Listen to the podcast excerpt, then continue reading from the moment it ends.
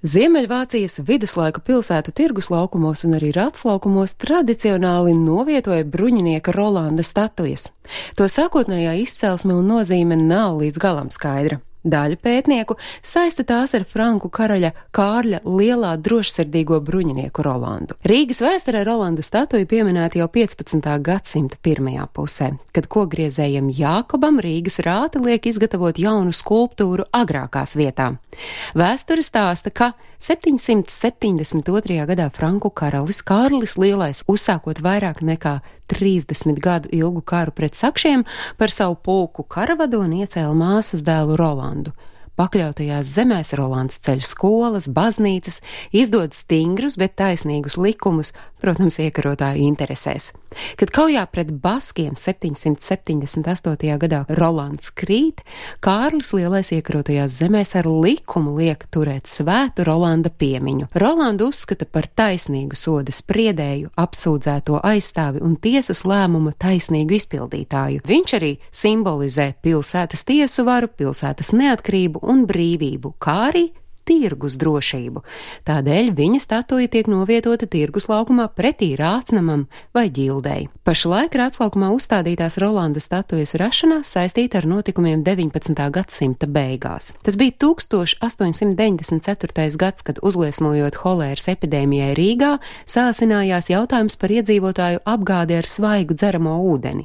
Tieši tādēļ laikā no 1895. līdz 1897. gadam pilsētas valde ierīkoja vairākas jaunas artēziskās akas, tostarp Rāts laukumā. Atjaunojot seno viduslaiku tradīciju, virs tās nolēma uzstādīt Rolanda statuju, kuras izgatavošanai rīdznieki saziedoja 2800 Krievijas rubļu. Metu statujai ir zīmējis arhitekts un mākslas vēsturnieks Vilhelms Johans Kārlis Neimans, bet pašu figūru 1896. gadā akmenī izkalis Rīgā ieceļojušais tēlnieks Augusts Folts. Pret rācnama pavērstās 6,3 metrus augstā Rolanda statuja bija veidota tradicionāli brāli. Labajā rokā viņš turēja paceltu zobenu, kreiso atbalstīja uz vairoga ar Rīgas ģerboni.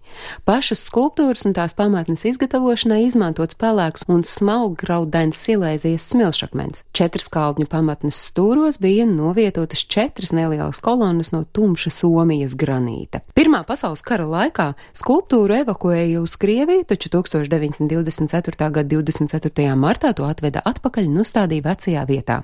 Līdz pat otrā pasaules kara beigām Rolanda statuja bija pieņemts uzskatīt par pilsētas geogrāfisko centru. Otrais pasaules karš pieminekli atstāja ložu pēdas, bet 1945. gadā padomju varas iestādes lika statuju nogāzt un iznīcināt tās postamentu. Tā rezultātā statuju salauza un pazuda vairākas detaļas - zobens, kā arī kreisā roka. To, kas palika pāri no statujas, novietoja Svētā Pētera baznīcā, kur tā atrodas vēl arī šobaldien. 1970. gadā Igauņu tēlniece Marija Ehelaide to daļai restaurēja. 1999. gada 9. decembrī iesvētot Melngalvju namu un Rāclaukumu, uz jauna postamenta atkal uzstādīja Rolanda skulptūras oriģinālu, kuru 2000. gada 3. maijā nomainīja ar skulptūras kopiju. Tās izgatavotājs telnieks Edvīns Krūmiņš. Bet 2001. gadā artēzisko aku, kas tāpat kā agrāk atradās postamentā, pieslēdza Rīgas ūdensvadam. 3. māja notikumus pārlapoja Agnese Drunka.